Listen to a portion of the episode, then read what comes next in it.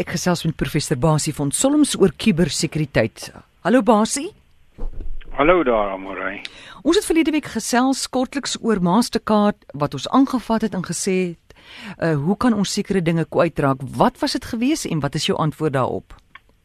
Wel, uh, hulle het uh, of ek ek het 'n e-pos gekry en ek jy het 'n e-pos gekry wat jy na my toe gestuur het wat wat kom van wat hulle sê openbare betrekkingsmaatskappye wat namens Mastercard of wat Mastercard verteenwoordig. En hulle sê maar hulle het stem nie saam met die idee dat jy hierdie CVV nommer moet afkrap nie want dit verhoog die risiko. Dis al wat hulle toe sê. Mm. Toe uh, skryf ek net maar vir hulle 'n bedrag soos 'n mooi akademikus en sê ek verstaan nie mooi wat julle sê hoe dit die risiko verhoog nie want as jy die twee goed bymekaar het, het jy tog 'n sekere risiko as die kaart wegraak, raak die nommer daarmee saam weg en jy kan altyd sien. As jy die twee skei, dan moet jy eers die kaart kry en die nommer of albei mekaar kry, dan is jou risiko tog jou risiko hmm. tog per definisie laag. Kry 'n pos gestuur en hy het gehelp. Mm. Uh, ek het toe teruggegaan om weer gestuur, hy het weer gehelp. Ek het toe teruggegaan op die web en gaan soek na die maatskappy wat hierdie boodskap gestuur het en ek het vir hulle algemene navraag boodskap gestuur en dit gehelp. So of ons, is nou net waar ons was, die maatskappy het ons half aangevat en gesê ons moet dit doen nie en toe ons wil antwoord toe is hulle nie op die lug nie. So ek weet nie wat gebeur nie, maar ons hou maar die spasie dop om kyk wat gebeur. Goed, iets anders wat 'n luisteraar ook gou vinnig hier wil weet is hoekom sê jy as jy betaal met jou kredietkaart en jy het mos daai ehm, wat noem jy daai chip in Afrikaans? Wat het ons dit genoem? Het ons 'n naam gekry? Die skyfie. Die skyfie, ja. En en ja. jy dan skyfie aan en dan tik jy jou jou kode in, jou geheime kode. Ehm um, jy het genoem by die kleinhandelaar hoef nie nou nog met jou hulle moenie nou nog jou telefoonnommer ag jou handtekening ook vra nie. Dis nie Hoekom is dit ja, nie nodig ook, nie? Ek het dit ook met 'n navraag gekry. Ja. Uh, die antwoord daar was gewoon geweest. Ons het gewoon gesê jy hoef dit nie te teken as jy nie wil nie. Nou, dit is natuurlik 'n probleem as die as die teller vir jou sê jy kan nie jou jou kry as jy nie die teken nie. Dan mm. dan is jy half in 'n doodloopstraat. Maar die regulasies van die kredietkaartmaatskappye sê baie pertinent. Daar hoef nie 'n handtekening gegee te word as jy met jou pinnommer op jou skyfiekaart ehm um, die bedrag ingesit het nie. En die rede hoekom ek voel, hoekom wil jy dit doen is wat maak hulle met daai handtekening? Hulle jy teken jou handtekening en hulle sit hom iewers in 'n 'n laai. Ja. En, en hoekom is dit nodig? Hy word nêrens, hy word nie gekontroleer op daai stadium met met die agterkant van jou kredietkaart of wat ook al nie. Jy weet nie wat maak hulle met daai strokie môre oor môre nie en jou handtekening is op die kaart, op die strokie. Hmm. Ehm um, so ek dink is onveilig. Dit is nie nodig om dit te doen nie. Dit is nie volgens die spesifikasies nie. Ek dink dis net 'n ekstra ding wat die maatskappy op hulle op die rug laai en nou kan jy ook begin vra, hoe veilig is my handtekening daar? En dan moet jy ook onthou ons het gesê as jy die as jy die naam van die kredietkaart hou, dit en die vervaldatum, eh, dan kan jy nou al klaar begin transaksies aanlyn doen. En baie keer kan jy van die ou se handtekening kan jy aflei wat sy naam So onmiddellik verskaf jy meer inligting. So ek staan nog daarby dit is nie verpligtend nie. Ek weet van die luisteraars gaan in die moeilikheid kom waar die teller vir jou gaan sê of die die verkoopspunt beampte maar maar jammer vir jou dan kan jy nie die goed kry nie. Dan moet jy net maar besluit wat jou risiko is. Wil jy dit loop of jy moet vir die bestuurder gaan kla? Goed. Basie, wat is op jou hart? Waaroor wil jy vandag praat? Ag ek het 'n hele paar goed op die hart. Ehm um, maar maar ek dink tog wat belangrik is miskien uh, agtergronds en interessantheids vir ons vir die luisteraars is Wonderstel nou ek ek ek, ek gebruik 'n soek engine. Ek het 'n bietjie gesels oor soek engines hmm. en Google is natuurlik die bekendste soek engine want dit is presies wat Google is. Hy hy deursoek die wêreldwye web. Nou hulle beweer dat daar op die wêreldwye web omtrent 'n biljoen, dit wil sê 1000 miljoen webwerwe is. Nou kom ons veronderstel ek soek nou na RSG en ek sit radio sonder grense hmm. in my Google se venstertjie in en ek sê vir hom gaan soek vir my na die webwerwe tussen daai 1000 miljoen wat met RSG te doen het. En en die van die wat dit al gedoen het ons doen dit elke dag kry binne 'n sekond of twee kry jy antwoord weg uh, terug met 'n hele lys verwysings uh, op webwerwe wat na RSG verwys. Hoe doen hy dit? Hoe doen hy dit so vinnig? Mm. Die belangrike punt wat ons moet verstaan is daar's geen manier dat Google hierdie 100 000 miljoen webwerwe gaan deursoek nie. Google doen dit met indekse. Aan die ander hy het 4 honderde rekenaars, duisende rekenaars oor vier vaste lande wat net indekse hou. So wat Google doen is hy hy deursoek die wêreldwye web op sy eie tyd. en ek sal net oor daaroor praat. Hulle gebruik wat hulle noem web crawlers. Ons kan dit eintlik webspinnekoppe noem of weblopers of sulke goeters wat jy jou kan visualiseer wat dwars deur die nag hier deur die wêreldwye web loop en inligting versamel. So is iets in daai en ek is nie heeltemal so nie, maar dis wat hulle doen. Mm. So hulle gedurig deur is hulle besig om webwerwe te soek en en dan bou hulle indekse op. Nou sal hulle byvoorbeeld van hierdie uh, uh, webspinnekoppe sal op webwerwe afkom wat na RSG verwys. Hulle sal nie miskien by RSG se eie webwerf uitkom. Hulle sal beslis. Maar hulle sal ook na ander webwerwe kry uitkom wat miskien na RSG verwys. Byvoorbeeld die sentrum vir kubersekuriteit by die Universiteit van Johannesburg se webwerf verwys op 'n manier na RSG. So hulle sal hy sal hom ook optel. Hmm. Dan vat hulle daai webwerwe wat hulle gekry het en hulle gaan sit dit in hierdie indekse van hulle. So eintlik, jy praat nooit met 'n webwerf nie. Jy gaan direk na Google se indeks toe. Google soek deur daai indekse en hy gee vir jou wat jy wil hê. Nou moet jy dink as jy nou twee insit, as ek sê RSG of Radio Sonder Grense en Amorey en Mariet, dan dan raak dit 'n bietjie kompleks. Nou moet hy na drie indekse toe gaan en dan moet hy daai drie indekse bymekaar begin sit om vir die antwoorde te gee. Mm. Maar hy gaan nooit letterlik fisies na die wêreldwye web toe net doen hierdie indekse. Nou, waar kry hy hierdie indekse?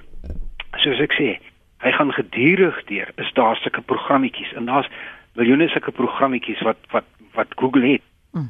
Wat hy sê goed gaan soek nou na al die webwerwe en almal wat jy kry, elke webwerf wat jy kry, bring jy terug na my toe. En dan dan sit ons hom in die indeks en op dié manier bou hulle hulle indekse op. En dis hoekom jy so vinnig kan 'n antwoord kry by die webwerf. Nou die belangrike punt hier mm. wat wat ek dink vir ons belangrik is, veronderstel byvoorbeeld jy het 'n ehm um, 'n oornagsentrum of jy 'n 'n bed en ontbytplek en jy wil graag die bed en ontbytplek uiteraard het jy 'n webwerf op Google ag op die wêreldwye web jy wil graag hê Google moet jou bed en ontbyt so hoog as moontlik sit want dit is ook statisties bewys dat as 'n as 'n mens na na 'n bladsy kyk 'n antwoord resultaat antwoord van Google dan kyk jy gewoonlik net na die eerste bladsy en jy gaan gewoonlik ja. na die eerste 2 of 3 dinge toe so jou bed and breakfast plek, Amorey se bed and breakfast, wil graag so hoog as moontlik op die eerste bladsy wees. Nou hoe hoe hoe kry jy dit reg? En daarvoor het Google alreeds 'n vreeslike komplekse algoritme wat hulle vir niemand sê hoe dit werk nie. Ek en jy weet nie.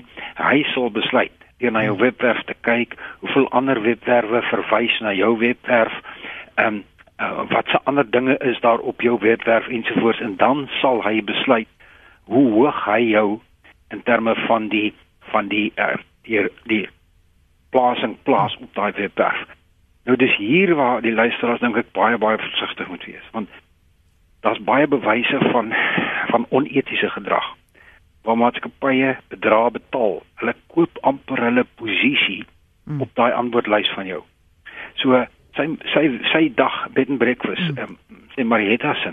Dis miskien nie so gewild soos joune nie en en nou gaan betaal sy 'n groot klomp geld en dis nou sommer 'n miljoen rand wat ek op betaal sy nou vir Google om haar daar bed and breakfast 'n bed en ontbytplek hoër as jou net te plaas. En daarom is die belangrike boodskap hierso mm. vir die luisteraar. Wanneer jy 'n soektog gedoen het, moet nooit vir die Bybel aanvaar wat jy daar sien.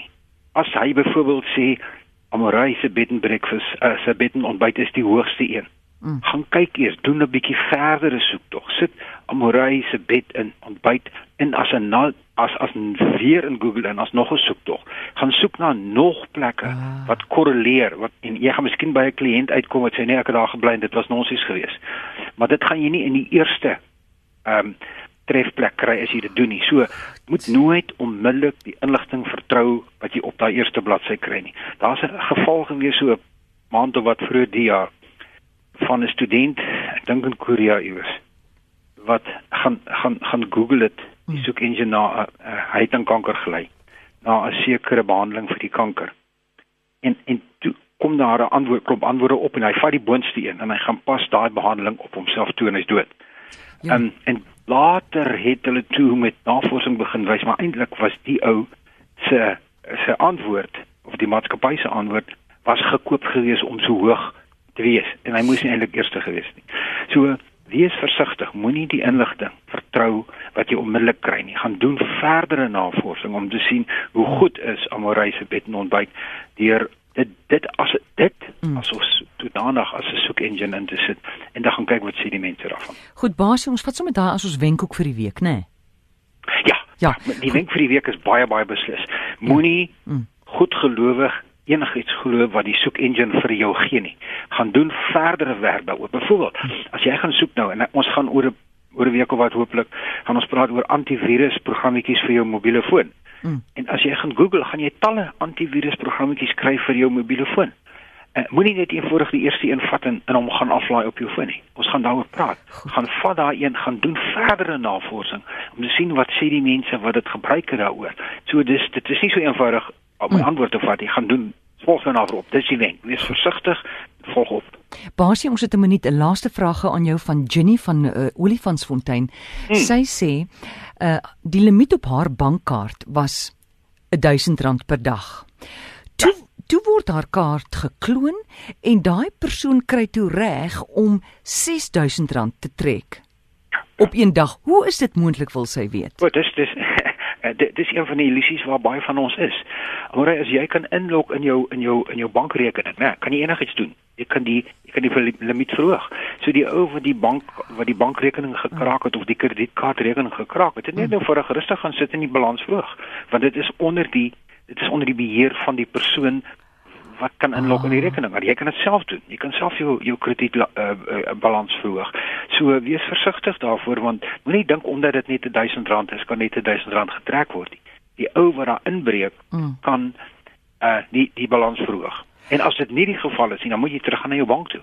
En dan moet jy sê kyk my balans was 100 was dit R1000, die R6000 getrek, verduidelik vir my hoekom dit gebeur. En hulle moet dit doen en dan moet jy die geld teruggee. As jy kan bewys, maar as dit uit jou bankrekening uit is, mm dan kan jy self die limiet verhoog en die die slegte ou kan dit dan ook doen. Uh, laastens Amore, ek weet daar's mense wat my probeer in die hande kry het, maar die RSG e-pos adres werk nog nie lekker nie. So moenie vir my kwaad wees hmm. as jy vir my e-pos gestuur het op basie by RSG nie en ek het jou nie geantwoord nie.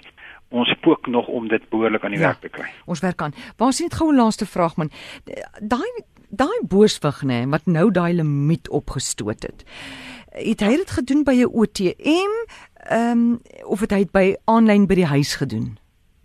Dit, hang af, dit hang af hoe lyk die pakket waarmee jy werk. As jy as jou as jou ATM ehm um, fasiliteit, mm. die, die pakket wat jou bank vir jou gee, jou toelaat vir jou toelaat om mm. jou kaart in te sit, pinnommer in te sit en jou balans te verhoog. Ja. Dan dan dan gaan nie dan gaan die kriminele dit doen, want dan kan jy dit as jy dit kan doen, kan hy dit doen as hy jou inligting het.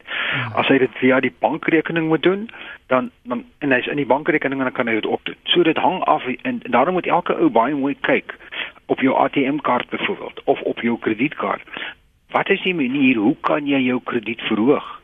jou hmm. krediet kredietlimiet in in in in normaalweg moet dit so te wees dat jy moet persoonlik na die bank toe gaan of jy moet jouself identifiseer in die bank voor hulle dit doen. Maar as dit te maklik is, as jy dit self kan doen. Ek dink mm. dis miskien die wenk ook. As jy self hierdie limite van jou kan verhoog. Ja. Dan gaan die slegte ou wat in jou rekening kom dit ook kan doen. So maak seker dat jy dit nie self kan doen sonder met moeite nie of sonder 'n twee stap audit uh, magtiging soos wat ons verlede week gepraat het nie of sonder dat jy na die bank toe gegaan het nie. Goed. Basie, baie dankie alles van die beste tot volgende week. So gesels professor Basie van Solms en ons gesels oor kubersekuriteit.